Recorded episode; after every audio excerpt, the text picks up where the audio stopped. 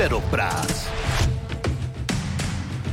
Ja, hallo en fijn dat je luistert naar een nieuwe aflevering van Paddock Praat, de podcast van Formule 1 Magazine. Het is deadline dag vandaag. Het is de dag na de Belgische Grand Prix. En mijn naam is Sjaak Willems. Ik zit hier met uh, Daan de Geus en André Venema, onze hoofdredacteur. Laten we met jou beginnen, André, want uh, jij hebt uh, nou, je eerste ervaring gehad met de Formule 1-bubbel. Ja. Hoe was jouw weekend? nou, het weekend op zich was, was heel goed. Het was um, vier dagen lang eigenlijk droog vanaf donderdag. En uh, op het moment dat ik uh, de, motoren, de motor van mijn auto startte om naar huis te rijden, begon het enorm, enorm te hozen. Ik geloof dat het vrijdag of zaterdagavond ook behoorlijk geregend heeft. Het blijft een goede Formule 1 traditie, geloof ik. Het blijft hè? een goede Formule 1 traditie. Weet je, iedereen in, in het mediacentrum was aan het kijken naar, naar de weersverwachting op, op zondag. Maar er kwam dus, er kwam dus geen regen. Nee. nee. Maar, maar verder. Um, uh, het, nou ja, het was, een, uh, het was mijn eerste spookrace, zeg maar. En uh, die zal ik ook niet snel vergeten. Um, wat mij. Ehm, ik, ik, vond het, ik vond het niet, niet heel, erg, heel erg leuk. Dat had waarschijnlijk ook te maken met. ik vind Spa sowieso niet de, de, de leukste, leukste Grand Prix. Dat heeft ook te maken met met de ligging van het uh, mediacentrum met name. Je kunt daar echt helemaal, uh, helemaal niets zien. Uh, we mochten ook nergens komen, afgezien van het uh, balkon voor het mediacentrum. maar dan zie je nog niets. Verder was het, ja, het was, het was heel, heel doods.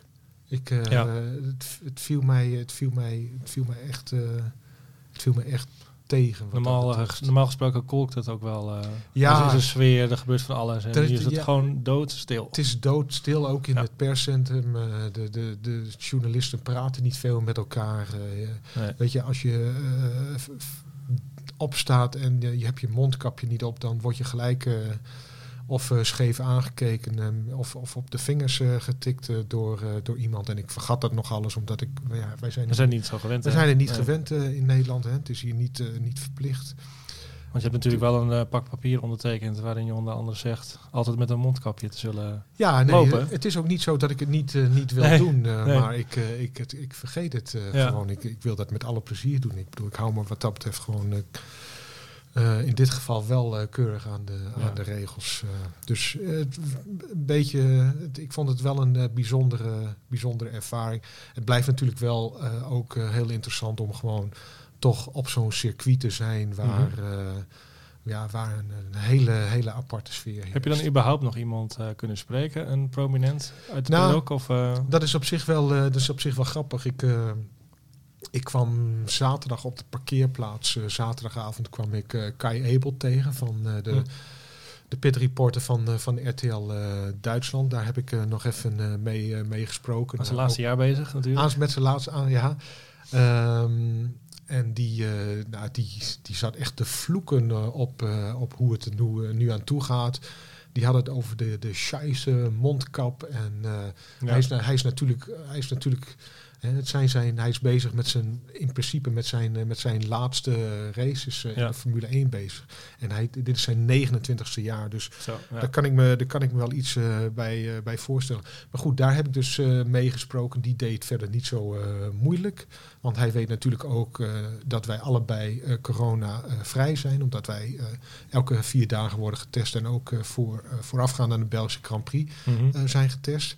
Maar zondagochtend eh, kwam ik op de parkeerplaats, eh, liep ik Martin Brundle tegen het lijf. En Ja. die wilde ik iets vragen over, eh, over Max Verstappen voor, een verhaal, voor het verhaal dat ik voor het komende nummer heb gemaakt. Mhm.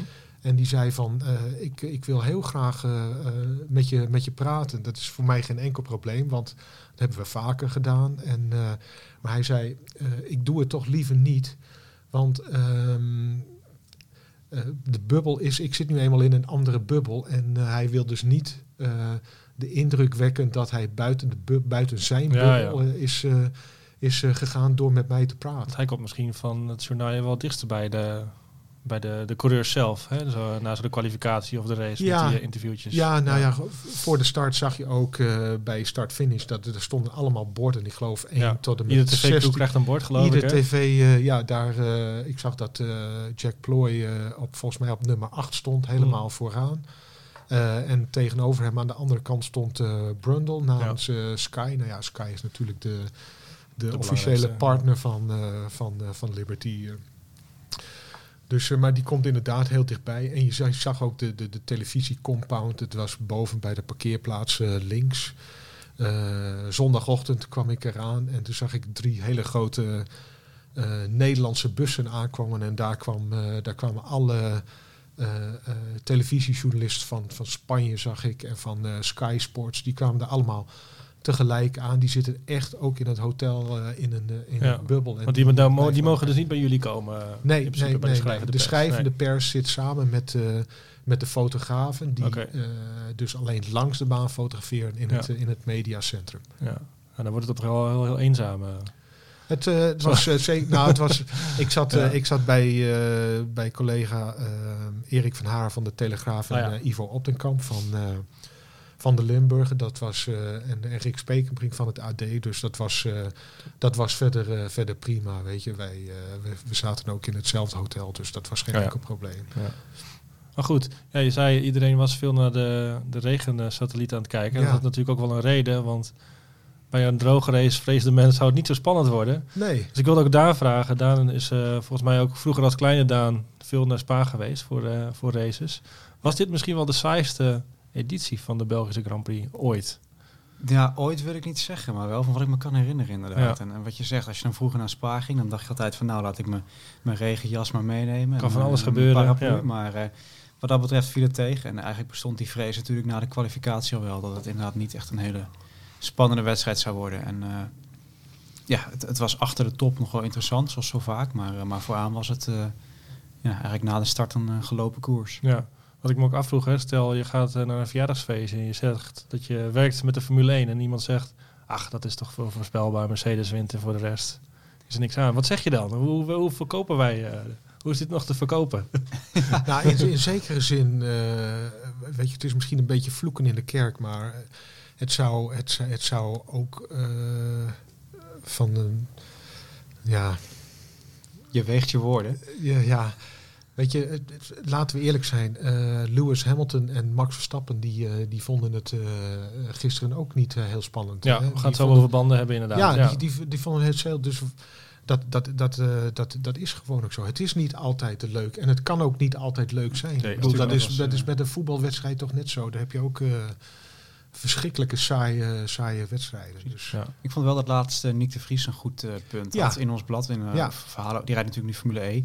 Die zei ook van ja, uh, misschien moet je ook afvragen waar kijk ik liever naar. Een wedstrijd waarvan ik de top 10 van tevoren in kan vullen. Of een wedstrijd waarvan er 15 coureurs om kunnen winnen, bij wijze van spreken. Ja, het is ook een beetje de aard van het beestje. De Formule 1 door type sport wat het is, is af en toe wat voorspelbaar.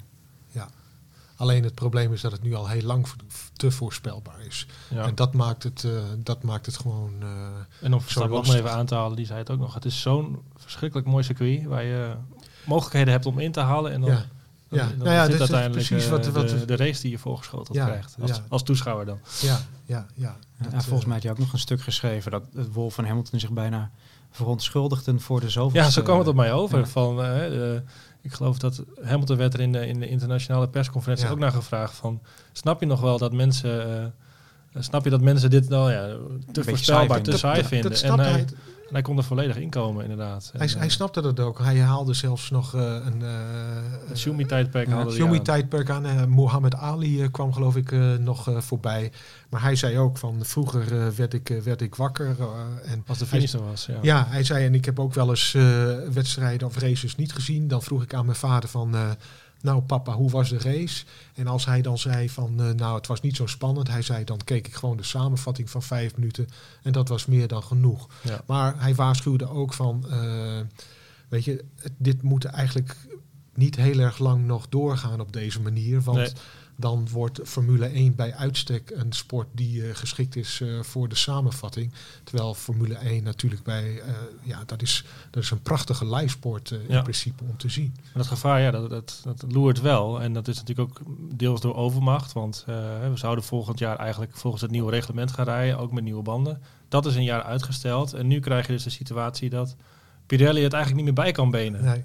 En ja, sinds Silverstone hebben de, de bandenproblemen daar, hebben ze eigenlijk een soort van aan de rem getrokken. er moet iets gebeuren. En nu komt er dan ineens zo'n beetje, nou ja, vanuit niet zo'n maatregel voor volgend jaar. Ja, de vloer moet kleiner worden. Er moeten dingen aan de, aan de diffuser veranderen, waardoor er minder grip gecreëerd wordt. En daarmee moeten we dus, nou ja, het kunnen volhouden op de huidige banden. Want de banden veranderen dus niet. En even los van de banden voelt het toch ook wel een beetje als een maatregel om Mercedes af te remmen natuurlijk. Maar met de banden, ja, Pirelli heeft een, een, een zware opgave. Er staat een mooi verhaal van uh, collega Ilko den Boer in het komende nummer over inderdaad de, de, de uitdagingen die Pirelli heeft met beperkte testmogelijkheden, met de, de, banden die ze natuurlijk ontwikkeld hadden. Oorspronkelijk die zijn uh, ja. ja. afgekeurd eigenlijk door de teams en coureurs die die wilden liever doorgaan met de banden van vorig jaar. Ja, het is, uh, het is een onprettige situatie waarin Pirelli zit. Want je kan het eigenlijk niet goed doen. Als je banden levert die wel uh, ja, keihard zijn en waarmee je de hele race op kan knallen. Nou, dan kun je als voorbeeld bijvoorbeeld de Japanse Superformula aanhalen.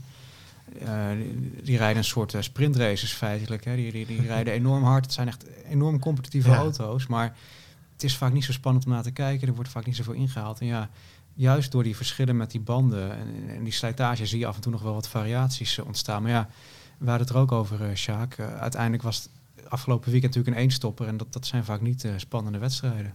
En dan ook nog eens allemaal gestopt tijdens een safety car situatie. Dus dat, ja, die viel op het slechtst mogelijke moment ja. eigenlijk. En volgens mij de, enige die niet op hard overstapte, volgens mij Albon. Ja, die ging naar medium inderdaad. Ja, pure gok volgens mij ook. En hij werd ook duidelijk slachtoffer wel van die beslissing. Dus ja, er zal toch gekeken moeten worden of, of, of daar misschien toch ook iets, iets op te bedenken is. Perlpraat. Het was snel duidelijk aan het begin van het seizoen dat Ferrari er niet goed uh, bij zat. Maar uh, 13e en 14e in een kwalificatie bijvoorbeeld. Had, had je dat verwacht aan het begin van het jaar, uh, André? Nee. Dit is nee, al nee. dit is wel, ontluisterend. Dit, ja, dit is, dit, is, dit is heel extreem. En nou goed, weet je, je, je leest het en je ziet het, je hoort het.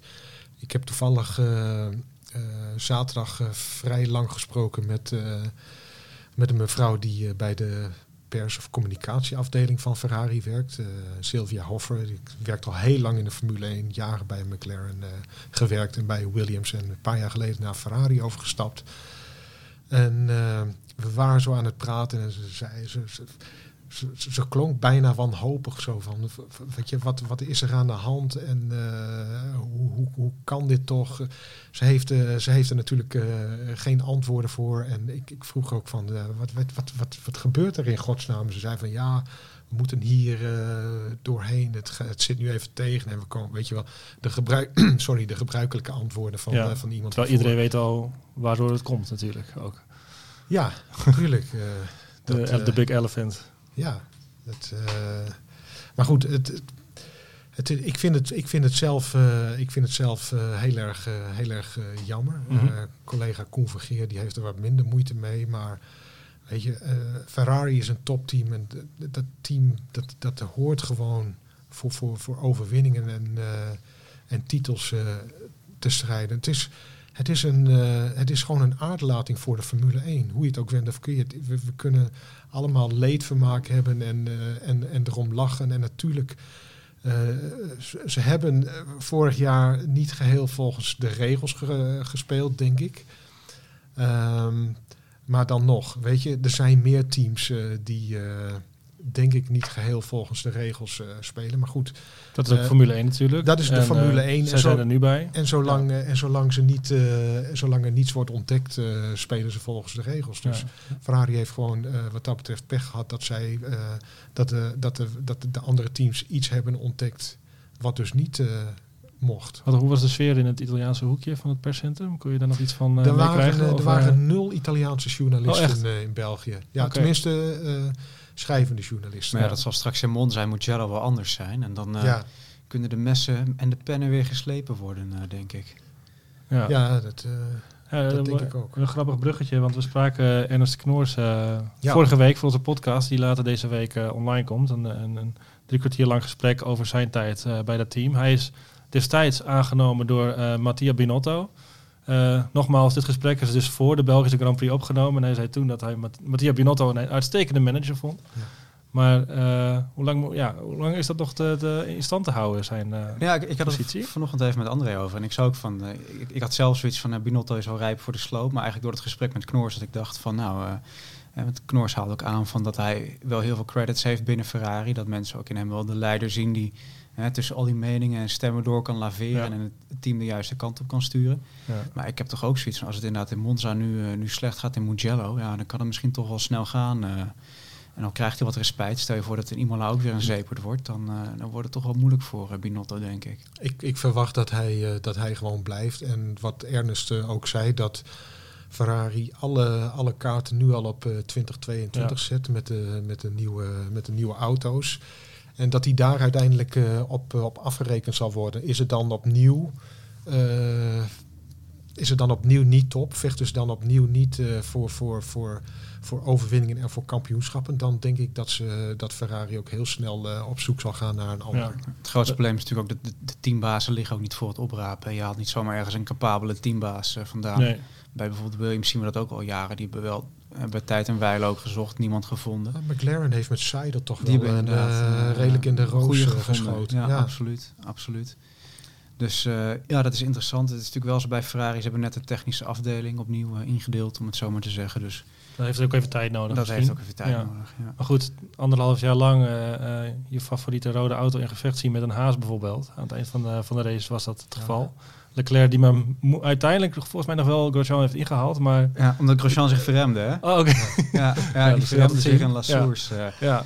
Ja, en uh, was Kimi in de Alfa volgens mij, die even Vettel voorbij. Ja, ja, ja, Alsof die stil stond. Hè. Goed, dan, je hebt natuurlijk aan de ene kant de, verwachtingen. We gaan niet winnen uh, in de komende twee seizoenen. En aan de andere kant heb je de publieke opinie. Dus dat gaat op een gegeven moment toch... Dus vorige week heb ik vrij lang gesproken met Stefano Domenicali. Ah oud, uh, oud teambaas van Ferrari. Zeven jaar lang is hij uh, teambaas geweest volgens mij uh, daar. Nu bij de buren, geloof ik hè? Sorry, ja, nu CEO van, van Lamborghini.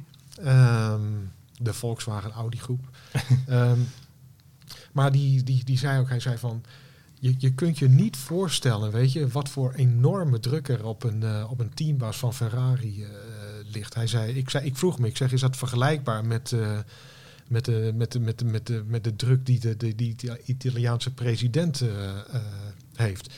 En hij wou niet zo ver gaan, maar het kwam er wel heel erg dicht uh, bij in de buurt. Hij zei: Het is ongelooflijk. Hij zei: Er zijn zoveel stromingen binnen Ferrari. Er zijn zoveel mensen die wil linksaf, die wil rechtsaf, die wil rechtdoor. Hij zei: Maar uiteindelijk, het, de enige zorg die je hebt als teambaas en het enige om, de enige manier om te overleven is als je gewoon je eigen kop volgt en van uh, en, en niet van je lijn uh, afwijkt. Dus dat zei hij ook. Hij, wil hij, hij heeft zich nog nooit uitgelaten over zijn opvolgers of coureurs bij uh, Ferrari. Hij zei, maar dat, dat is eigenlijk het enige. Gewoon niet de kranten lezen eigenlijk. Precies, dat is ook wat hij, wat hij nou, Binotto niet adviseert. Hij zei, want die zal dat zelf ook wel weten. Maar hij zei, zo moet je als teambaas van Ferrari te werk gaan om te kunnen overleven. Je weet het ook niet natuurlijk. Ik bedoel, begin van het jaar pak Leclerc nog twee podiumplekken. Dus op zich, uh, er is niet heel veel voor nodig misschien, om, om zeker met dat uh, close middenveld, om toch nog een, paar mooie resultaten eruit uh, te halen. Perlpraat. Goed, iets positievers. We hadden het twee weken geleden nog over Renault. in onze, nou ja, halverwege, of niet halverwege, een tussenstandje was dat. Um, we hadden meer van Renault verwacht en we wisten eigenlijk ook niet zo goed waar het dan aan zou liggen. Nu komen ze op, op Spa bovendrijven. Ja, wat je al wel ziet bij Renault eigenlijk sinds vorig jaar is dat ze goed zijn op circuits uh, waar weinig downforce vereist is. En een auto die, die efficiënt omgaat met de, uh, met de drag, die weinig drag heeft, weinig luchtweerstand. En, en uh, dat zagen we vorig jaar op Monza en dat zien we nu dus op Spa. En dat zal Monza komend weekend weinig anders zijn, denk ik. Maar het interessantste vond ik dat Ricciardo zei zondag na de race van nou, we hebben eigenlijk in, in Silverstone wel iets gevonden. Hij wilde niet precies uitleggen wat uiteraard, maar iets gevonden met de setup waarvan we denken dat het goed werkt en dat we het ook kunnen toepassen op circuits. Um, met meer downforce. Dus eigenlijk de grote test wordt nu straks niet uh, Monza, maar de races daarna. Mm -hmm. Hoe het daar gaat. Maar het, het, lijkt er inderdaad wel op. Wat je ziet uh, bij Renault dit jaar is dat ze bij tijd en wijle echt wel het, uh, het tempo hebben. Soms in trainingen zitten ze er heel goed bij. En, uh, en, in de snelle sectoren zijn ze vaak ook exact. En, snel. Het heeft er toch wel een beetje de, de schijn van dat ze gewoon ja, toch wel weer een volgende stap gezegd hebben. En Ricciardo zei ook, wat ook niet onbelangrijk is natuurlijk, van ja, de auto voelt ook gewoon lekker om mee te rijden. Weet je, dat geeft vertrouwen. Het werd ook wel tijd trouwens. Hè? Ja. ja, natuurlijk. Ja. Het bedoelt zegt alles dat dit het beste resultaat was sinds 2016. Ja. Perlpraat. Even de strijd vooraan. We hadden het er net natuurlijk ook al even kort over. Um, Max Verstappen die redelijk kan volgen. Mercedes dat eigenlijk als het nodig is een tandje erbij zit en dan uh, een gat slaat. Ja, ja. ja ik, ik, vond het ook wel frappant dat bij, bij Hamilton, ik weet niet hoeveel ronden voor het eind, maar dat hij op een gegeven moment begon van... Hey, uh, ik voel wat in mijn linker voorwiel, ja, mijn rechter voorwiel. Maar, dat, dat maar Hamilton voelt altijd iets. Maar het laat wel zien hoe Sint Silverstone toch die vrees erin zit. Ook bij die jongens. Van, hè, misschien uh, geeft je in één keer de geest. Ik, ik, weet, niet of dat, uh, ik weet niet of dat zozeer uh, de vrees is. Ik heb ook wel eens het idee dat dat Hamilton uh, dingen spannender wil maken dan ze in werkelijkheid zijn. Volgens mij heb ik dat wel eens eerder uh, ja, gezegd. Al een paar keer dit seizoen, ja. Ja, hè, ik bedoel, uh, Monaco vorig jaar van ik kan hem niet meer houden. Nee. En dit en dat, weet je, wat hebben we allemaal wel niet gehoord. En ik las vanochtend ook ergens een tweet, die vond ik wel heel erg toepasselijk van... ik weet niet meer precies hoe die ging, maar als, uh, als Hamilton begint te klagen, dan weet je, dan weet je dat hij uh, dat hij gaat, uh, dat hij gaat winnen. Hij ging ook na het uitstappen ook nog heel, heel demonstratief naar zijn band staan kijken, die er eigenlijk toch best goed uitzag. Het is een beetje. het, het, het, ja. En hij gaf trouwens ook daar wel toe na de race van ja, eigenlijk was er niet zoveel aan de hand. Nee, ik denk dat ik het gewoon verkeerd had. Ja, ja nou, volgens mij is het niet, niet de eerste keer. Maar het is, het is, het is heel leuk dat, hij, dat hij dat doet en er zal als hij daar in de auto zit, dan zal er ongetwijfeld, hij zal, zal ongetwijfeld iets voelen. Maar ik heb ook wel eens het idee dat het, uh, dat het meer een beetje, een beetje voor de bühne is. Omdat Mercedes zich, nou, ik wil niet zeggen schaamt, maar mm -hmm. omdat Mercedes ook wel weet dat, uh, dat, dat de mensen thuis uh, ook zoiets hebben van, weet je, van nou, weet je, daar gaan we weer. En dat ze op zo'n manier ja. een beetje kunstmatig misschien nog wat spanning willen brengen. Sluit ik wel aan bij, bij Sjaak, dat stuk wat jij geschreven hebt met Wolf. Die ook zei van ja, achter de schermen hebben we genoeg drama, weet je wel. Met, met onderdelen die, mis, die ja. stuk gaan of ja. dingen laten, updates die we moeten invliegen. Dat geloof ik eigenlijk ook al niet meer. Nee, maar hij benoemde wel ook ja. hè, het belang van dat inderdaad benoemen en laten zien aan mensen. En, en, en dat is natuurlijk wel een manier om inderdaad A, inzicht te geven in die sport meer. En B, ook te laten zien dat het voor Mercedes toch ook gewoon nog wel... Uh, Hard werken is. Ja om zo'n goed, zo goed team op te zetten, dat is natuurlijk ook niet... Uh... Het, het, is fenomenaal wat ja. ze doen. Hè. Laat daar geen misverstand uh, over bestaan. Het is razend knap. Ik denk dat er in de geschiedenis 70 jaar nu van de, van de Formule 1 geen team is geweest dat zo lang zo dominant is geweest. Het is, ja. het is onge ongekend wat ze, wat ze laten zien. Perlpraat. En dan uh, de vraag wat uh, Max Verstappen uh, betreft. Wat, wat rest hem dit seizoen? De wekelijkse derde plaats en hier en daar... een dagsucces. Een dagsucces. Ja, ja, dat, dat Hij moet er, ik, ja, ik, ik, het valt me, viel me op deze, de, dit weekend dat het, dat het ook een beetje een houding begint te worden of zo. natuurlijk moet hij keihard werken en natuurlijk ja. is het geen ja, gegeven dat hij die derde plaats krijgt. Zaterdag ook een beetje die, die cynische opmerking We gaan weer podium spuiten, uh, het podium, podium ja. champagne spuiten, weet je. Bekertje ophalen. Ja. Bekertje ophalen. Uh, weet je, ja. het, lijkt me ook heel, uh, heel, heel vervelend. Uh, als je, weet je, als er normaal gesproken, als er niets gebeurt, dan is, dan is de derde plaats in, in principe zijn zijn, zijn plek uh, in, in dit veld. Ja. En dat hij, uh, dat hij dus tussen de Mercedes staat. Dat hij tweede in het kampioenschap gaat op dit moment. Dat is echt... Is eigenlijk al een beker waard. Ja. ja, dat is een, dat is een, enorme prestatie. Ja. ja. Daar hoort natuurlijk Bottas te staan. Daar hoort Bottas te staan. En bij die, nou ja, die sessie, de internationale perssessie, staat hij er ook wel een beetje gebroken bij. Hebben ik, ik, ik heb het niet... Dat, ik heb een, ik heb een Finse vrouw en het was haar, het was haar ook opgevallen dat... Ik had het, ik had het idee dat, uh, dat Bottas echt gebroken was uh, zondag. Ik weet het ook niet meer. Ik weet het niet meer. Van, uh, ik dat, ervan, maar ik weet het niet maar meer. dat zei hij ook. Van, ja. ik, ik probeer alles. weet je, ik denk dat ik het beste geef, maar toch zit hij dan nog op een bijna een halve seconde of op een halve seconde van, ja. van Hamilton. Hij weet het niet meer. Het voelt een beetje als zo'n zo'n voetbalwedstrijd dat je met nog een kwartier te gaan 3-0 achter staat. Dat je denkt van nou, ik blijf nog een beetje uitlopen en rennen voor voor de bühne. Maar ik weet ook wel dat we hem niet meer, uh, niet meer En als ik me niet vergis, gaf hij ook voor het eerst een compliment aan, aan, aan Hamilton. Hij was vooraf, nog voor uh, vorige races was hij nog wel strijdbaar van ja, het kan nog, uh, ik ga hard werken en ik ga mijn best weer doen. En nu gaf hij eigenlijk Hamilton een compliment van ja, hij heeft het eigenlijk heel goed gedaan en ja. geen fout gemaakt. Nee. Vond nee. ik wel opvallend nog wel. Voor zover je daar iets in kan zien, maar dat viel ja. me gewoon op. Ja, we zaten net even op de redactie te rekenen van wanneer Hamilton hem uh, zou kunnen veiligstellen, deze titel. Oh, de kampioenspecial moet ook gepland worden. We zijn er niet helemaal ja. uitgekomen nog, maar uh, de, de, kans dat dat voor, uh, voor de trip naar het Midden-Oosten is, is toch wel heel, heel groot. Ja. ja, zeker als Verstappen en Bottas plaats 2 en 3 blijven afwisselen. Hè. Vooropgesteld dan dat Hamilton de meeste races gaat winnen. Maar ik zou niet weten waarom hij de meeste races niet uh, zou gaan winnen. Als je nu al vijf van de zeven uh, op zak hebt. Doet het, doet het ook iets af aan zijn titel? Um, nee, natuurlijk hij heeft, uh, hij heeft de beste auto. Maar de manier waarop hij... hij, hij, is, hij rijdt foutloos. hij, die, die, die, die, die, die, kwalificatie in de regen in... waar was het? Spielberg. Oostenrijk, ja. de tweede. Hè, dat hij ik vond trouwens deze kwalificatie ook echt... Ja. Buitenaards, hè, zo ja. terecht. Ja. Als je dat rondje terugkijkt, het is echt hypnotiserend, vond ik het. Ja, ja, hij heeft de beste auto, maar in zijn handen is hij gewoon dodelijk, die machine. Ja, je ziet wat Bottas ermee uh, presteert ten opzichte van Verstappen. Hè. Als je twee Bottassen in die auto had gehad, was het een heel andere titelstrijd geweest. Ja. En ik moet zeggen, ik, ik vind eigenlijk, het zou niet moeten afdoen aan de titel van Hamilton, maar ik snap wel dat het voor het grote publiek dat wel een beetje doet. Ja. Want je, hè, je mist juist de titelstrijden die je herinnert zijn, die, die enorme gevechten, Prost, Senna, Schumacher, Hakkinen. Het is nooit een gevecht met Bottas. Exact. Nee, in de afgelopen jaren had hij dan nog, hè, vorig jaar met, met Ferrari af en toe duels en met Verstappen. Dat ging dan niet om de titel, maar wel om, om zegens. Een paar jaar daarvoor natuurlijk met Vettel een paar keer. Ik denk dat die toch meer bijblijven dan dit, ongeacht dat dit misschien uh, wel zijn beste jaar is.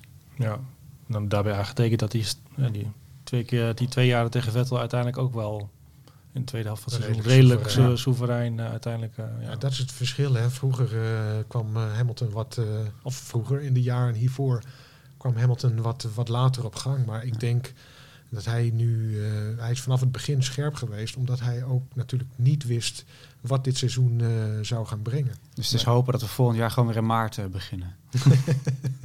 Goed, nog even vooruitkijkend, uh, André. Jij ja. bent heel, heel kort even hier. Je gaat dan weer naar Monza voor het komende weekend. Um, geen regen. Geen regen dus, nee. Ja, er staat 26 graden zonnetje, dus het zal wel regenen. Misschien is het dan ook omgekeerd. Dat kan natuurlijk ook. Het is eigenlijk uh, nou ja, de, de, eerste en de laatste sector van Spa, hè, zonder die bochtige middensector. Um, belooft dat veel goed qua spanning? Um, ik vind Monza eigenlijk vaak niet zo'n leuke race, moet ik zeggen. Nee, ik kan me er weinig echte spannende recente races herinneren. Ja, vorig jaar nog uh, toen uh, Hamilton ja. natuurlijk... Uh, dat was het jaar daarvoor alweer. Hele, hele race in de nek van Leclerc zat. Oh, okay. oh ja, dat ja, was, die was wel spannend. Was, uh, was voor, dat ik was wou zeggen, het jaar daarvoor uh, reed jij natuurlijk uh, Rijkonen uiteindelijk naar de twee, uh, de, in de slotfase. vorig jaar heeft Hamilton ja. de hele tijd op de staart van Leclerc gezeten. Ja. die alle ellebogen ja. eruit gooide. Dat was wel leuk. En wat extra topsnelheid had natuurlijk. En het echt topsnelheid. Kijk, en als een race niet zo, uh, niet zo spannend is, en wat Daan zegt, uh, veel races op Monza zijn niet zo heel spannend, dan heb je altijd nog als voordeel dat het is de kortste race van het jaar. Ja. Dus uh, Eén stopper. na vijf, ruim 75 minuten, dan, dan, is het, ja. dan is het feest voorbij. Ik ben heel erg bang dat Mercedes daar de achtervleugel openzet en want ze hoeven dus nu geen, ze hebben nauwelijks downforce nodig, hè, zoals ze nu in België, waar ze in de tweede sector heel nou, veruit het snelst. Ja. Dat hebben ze dus nu niet meer nodig. Dus nee. nu gaat de, ja. ach, de, achtervleugel open. We hebben natuurlijk het verbod op de party mode nog, maar ik geloof dat niemand ja. nog echt denkt dat dat verschil gaat maken. Nee, nee, ik denk dat ja, nee, het is al zo vaak door iedereen in de paddock afgeschoten dat je zou denken, het zou wel kloppen. Ja. het zou. Ik denk dat het. Uh, dat het een, een, knappe prestatie zou zijn als Max Verstappen ook in Monza uh, op het podium komt. Ja, ik denk dat de Renault's toch nog wel een... Uh, wat een leuk, gevaarlijke maar leuk, dan hebben we iedereen ja. in ieder geval gevechten. Ja, nee, tuurlijk, dus, uh, tuurlijk, tuurlijk. En, en Ricciardo versus Verstappen is sowieso ja, natuurlijk. Ja, maar ik, en laat Ocon er ook maar bij komen. Ja, dat is ook heel leuk, maar ik zou toch ook liever uh, vooraan wat meer... Ja, absoluut, uh, ja.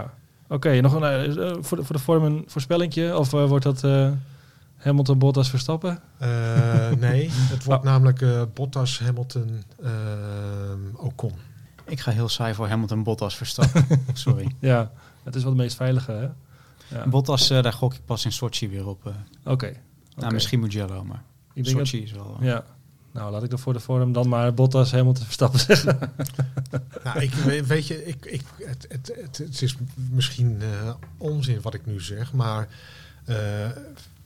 Kijk, Bottas heeft uh, zeker hoe ik hem zondag uh, daar in, in Spa zag. En zoals iedereen hem zondag in Spa na afloop van de race heeft gezien.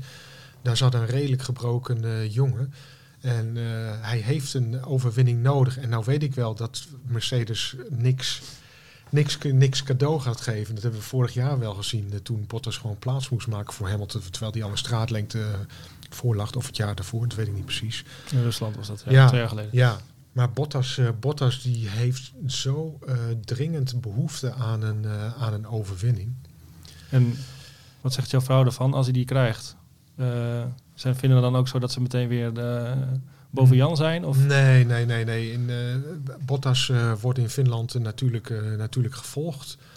Maar in Finland, dat heb ik ook al een keer eerder gezegd, in Finland uh, wil iedereen alleen maar alles lezen en weten over, uh, over Kimi Räikkönen. Bottas ook is nog. Ja. ja. Bottas wordt toch ook als een hele keurige jongen gezien. Maar ja, laten we eerlijk zijn, het is niet, uh, het is niet de meest sprankelende persoonlijkheid. Oké, okay. nou heren, dankjewel.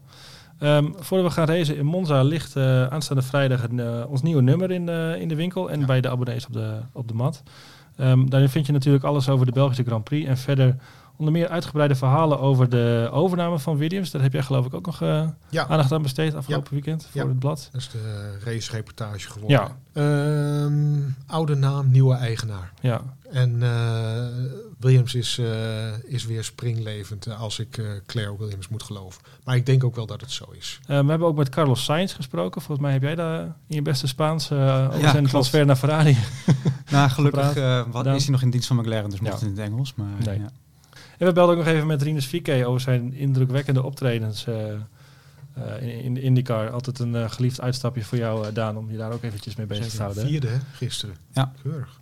En uh, we noemden het net al, eind deze week komen we nog even met een uh, Paddock Praat special. Jawel, het is even geleden, maar we hebben dus uh, met Ernst Knors over zijn tijd op de motorafdeling van Ferrari hebben we gepraat. En er komen nog wel leuke anekdotes uit naar voren, hoe over zijn, nou ja, toch, toch een bijzondere sollicitatie moet ik zeggen. En, en waarom hij denkt dat Binotto dus wel op het enige geduld kan rekenen in Maranello. En in de tussentijd uh, is er voor het laatste nieuws onze site formule1.nl. En voor die sluiten we af met de uitloopstrook van Koen Vergeer. En die gaat over Ferrari. En volgens mij heeft hij iets minder medelijden met uh, de Scuderia. Tot volgende week. De uitloopstrook van Koen. Kaartenhuis. Weet je, ik heb geen spatje medelijden met Ferrari. Door de coronacrisis is die geheime schikking tussen de Scuderia en de FIA in zaken Ferrari's duistere motortrucjes dit voorjaar discreet onder het tapijt geveegd. Maar het zaakje blijft stinken natuurlijk. Mercedes houdt zich stil, om de sport niet te veel in discrediet te brengen, vermoed ik. En bij Ferrari houdt men de kaken op elkaar. Er is geen eenduidige overtreding van de regels geconstateerd, aldus Binotto. Maar waarom is er dan een schikking nodig? Een geheime nog wel. Maar de Formule 1 kent zijn eigen karma. Sinds de brandstoftoevoer in de Ferrari motor weer eenduidig wordt gemeten, is het stijgerend paard als een kaartenhuis in elkaar gelazerd. Volgens Pinotto ligt het niet alleen aan de motor, maar aan het hele pakket. Flauwekul natuurlijk. Trek één belangrijk onderdeel weg en het hele pakket klopt niet meer. Zo werkt het. Kijk hoe de Ferrari-klanten worstelen. Ze raken nu zelfs in gevecht met Williams. Op Spa reed het hele Ferrari-cohort gewoon stijf achteraan. En keer op keer werd Leclerc te kakken gezet op de kemmel. Maar ja, hoe lang heeft Ferrari de boel voor de gek gehouden?